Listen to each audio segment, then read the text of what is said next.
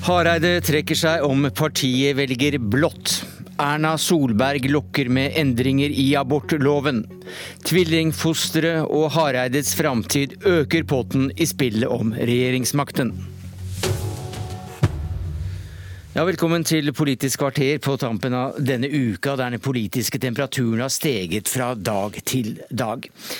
Og vi skal snakke om hvordan abortutspillet eh, kan påvirke kampen om regjeringsmakt, og at Hareide går av om han taper på landsmøtet. Men først til abortspørsmålet og til, eh, til deg, eh, Marie Simonsen, du er kommentator i Dagbladet. For etter at dette ble kjent i går ettermiddag, så skrev du at nå er, nå er abortspørsmålet blitt et forhandlingskort. Er det et godt kort? Det er et uh, veldig dårlig kort. Uh, jeg syns det er jeg vet ikke om jeg skal kalle det en uskreven regel, men én ting er å drive og forhandle og kaste inn kontantstøtter og slike økonomiske størrelser, men, men, når det kommer på abortloven og slike tunge verdispørsmål, så blir det etter min mening litt eh, smakløst å forhandle om det på den måten. Eh, Erna Solberg har jo dette er jo kontroversielt i Høyre, og Erna Solberg har jo eh, for så vidt i nyere tid demonstrert at hun ikke har helt fingerspitzgefühl for hvor følsomme slike spørsmål er. Hun bommet kraftig når det gjaldt reservasjonsretten. Eh, det har også vært bataljer på Høyres landsmøte flere ganger om disse spørsmålene, hvor hun har møtt motstand. Men så skal det sies at det foreløpig er ganske stille på høyrefløyen, så mm. det kan hende at, at eh, makta eh, betyr mer der også. Magnus Takvam, politisk kommentator i eh, NRK. Eh, hvordan kan det påvirke prosessen fram til 2.11., da altså landsmøtet i KrF skal avgjøre regjeringsspørsmålet. Hvordan kan dette abortutspillet påvirke denne prosessen fram til da? Eh, det er et veldig viktig spørsmål for mange i Kristelig Folkeparti. Eh, som Marie Simonsen er inne på, så er det, et, eh, det er ikke et vanlig forhandlingstema sånn over bordet. Det, mange, det provoserer åpenbart og mange i i Hareides krets f.eks. Ikke, ikke pga. selve standpunktet til abortlovens paragraf 2c, men måten Erna Solberg introduserer det på, og hele settingen i den fasen vi er. 2C, 2C må du nesten forklare. Ja, Det er altså den, eh, den paragrafen i abortloven som gir eh, adgang til abort etter tolvte uke ved ved indikasjoner på sykdom og, og, og sånne ting, som, som er, har vært et stridstema og et krav fra KrF lenge. Det var framme sist på de møtene jeg var på i Bergen og Ålesund, eh, at det var viktig for, for mange i KrF å, å, å, få strammet inn.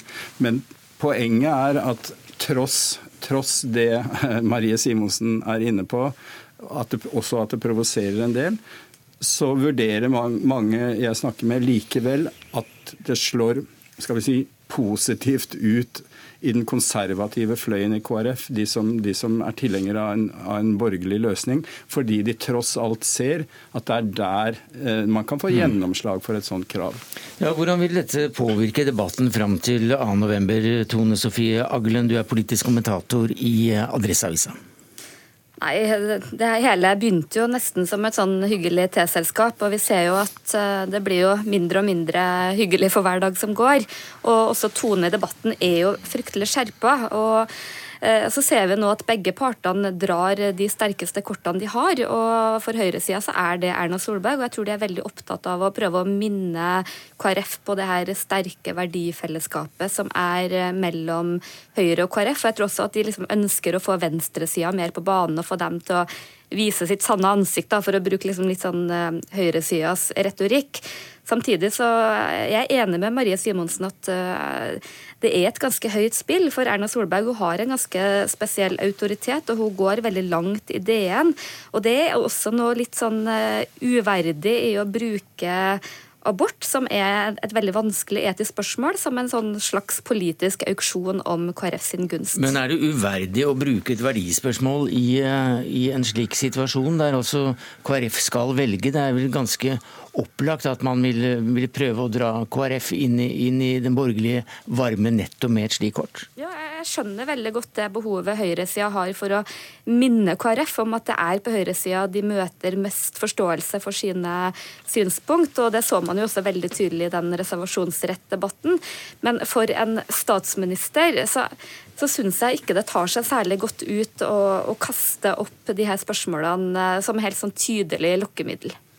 Nei, altså det, det, er som vi har vært inne på, dette kan slå begge veier. og Det, er, det, det fører til en veldig skal vi si, polarisering og provoserer også mange, også i KrF. Eh, men og hvis man, hvis man, først skal analysere dette, så, så kan, det, kan, det, også gi Hareides tilhengere argumenter.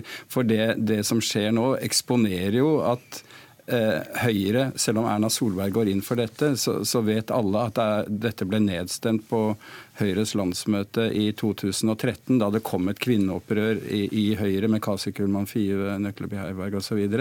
Slik at det er jo også et uttrykk for at verdipolitisk har Høyre flyttet seg siden ja, altså de siste tiårene. Og, og nettopp det er jo noe av det Knut Arild Hareide har, har pekt på f.eks. i denne boka si. Men, men, det er riktig som uh, Tone Sofie Aglen sier, at dette åpner jo også for Det er en slags sånn lokkebit for, uh, for, at man skal få venstreradikale til å komme på banen og si, si, noe om hva de mener om dette regjeringsprosjektet, og om å få KrF over på sin side. Så dette kan gå begge veier også? Det, det, dette kan det mobilisere jeg, i begge leire? Uh, jeg tror at Erna Solberg har en baktanke om at noen skal protestere kraftig der, men hun kan jo foregne seg og få protester på i egen leir leir også. Jo, som vi allerede har sett uh, at unge Høyre har vært ute. Mm. Takk for ja, nei, altså vi får, vi får, se hvordan dette utvikler seg. Eh, Hareide var jo raskt ute i går med eh, å peke på at eh, det er denne regjeringen som sitter nå, som har åpnet for tvillingabort osv. Slik at, eh, men debatten om viktige verdispørsmål er, er, er i gang. og, og Eh, tilspisser ytterligere. Det som nå er, er, på kort sikt målet, er det første årsmøtet i denne serien av årsmøter fram til landsmøtet 2.11., eh, nemlig i Rogaland på lørdag. Mm. Uh, og det uh, Der dro Hareide på en litt uannonsert tur uh, for, for å, å, å, å, besøke Eh, miljøer han, han, eh, visste ville uttale seg positivt om hans syn. slik at de legger et veldig press nå fra, fra, begge hold om valgene på delegasjon fra Rogaland, som i øyeblikket ser ut til å bli mer blå enn Hareide liker. Så, så det blir det første, den første utløsningen av dette. Ja, Det var en oversikt som viste at ca. 30% bare støtter Hareide der, og det er 14 delegater av 190 som skal velges fra dette dette fylkesårsmøtet i, i, morgen. Så da er vi i gang ved å velge den viktigste forsamlingen i Norge i 2018, vel kanskje, nemlig landsmøtet på Gardermoen 2.11. Og la oss ta da sak nummer to, den som uh, sprakk i går i, uh, i, NRK i går kveld, da altså NRK fikk sikre kilder på at Hareide faktisk trekker seg som partileder om han får landsmøte landsmøtet mot seg i å gå til venstre i eh, norsk politikk. Og hvordan vil det prege eh, debatten framover mot landsmøtet, Aglen? Nei, Det har jo vært uh, at det her før eller siden ville komme. Uh, Hareide innleda jo med at han uh, ikke hadde noe problemer med å gå inn i en regjering med Frp, men for hver gang han åpna munnen i ettertid, så har jo den avstanden bare blitt større og større. Jeg tror nok at uh, tilsynelatende så er det her en fordel for uh, venstresida Hareide sjøl, for han er det sterkeste kortet. Det er veldig mange i KrF som er veldig glad i lederen sin og har tillit til han, og så er det veldig veldig mange usikre som, uh, hvis de er tvil, kan uh, finner på å følge han. Men samtidig så opplever vi også at også Hareide sin retorikk er hardna. Og han eh, blir jo også stadig mindre samlende, han også. Og det kan jo også utløse at eh, f.eks. Ropstad vil stå tydeligere fram som en lederskikkelse på høyresida i partiet.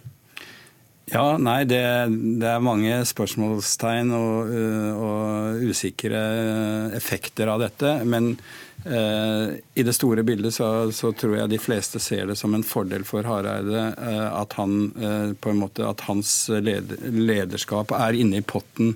Det, det man f.eks. sa det man sa på mandag i, i Bergen hos noen jeg snakket med, var at de to, Ropstad og Hareide, spiller godt sammen. Altså De innledet på det møtet i Bergen sammen om først det politiske grunnlaget som de hadde diskutert seg fram, fram til i partiet, og markerte et slags fellesskap. slik at Ropstad har jo i hvert fall så langt markert at han for sin del kan bli med på laget uansett hva som skjer. Eh, men det er klart at med den tilspissingen som nå foregår, så, så kan alle bli fristet til å, å spisse det ytterligere til. Og, og, og det utgjør jo den det, det, forsterker det veldige dramaet som vi er vitne til. Men, men, dette er en utvikling som vi så måtte komme, at det ble et valg om uh, Hareide også. Hans fremtidige leder. For han ville ikke påvirke prosessen? Nei, selvfølgelig, men alle skjønte jo med en gang at det lå i potten, at han ikke kunne fortsette hvis, uh, hvis den andre siden eh, vant. Jeg tror også det er overdrevet dette her. Altså, I begynnelsen var det en litt sånn sjokkeffekt, og alle er jo eh, glad i Hareide og syns han er en bra leder. Det har vært, eh, de har stått samlet bak han, men eh, det er klart at hvis det kommer liksom til et valg, så, er det ikke, så vil ikke folk nøle med å skifte han ut, tror jeg. Og hva skjer da? Da overtar eh, vel eh, Kjell Ingolf Ropstad. Er det ikke han som står klar til å ta over? Ja, det, det, er vel eh, liksom, Han er leder, lederskikkelsen eh, for, for, det andre alternativet. Så, så, det er en logisk følge av det. Eh, men litt av poenget her er at landsmøtet 2.11. er kommer uansett til å bli veldig jevnt når det gjelder utfallet. Og det er skriftlig votering på landsmøtet, slik at ingen kan se delegatene i kortene hva, hva de da stemmer.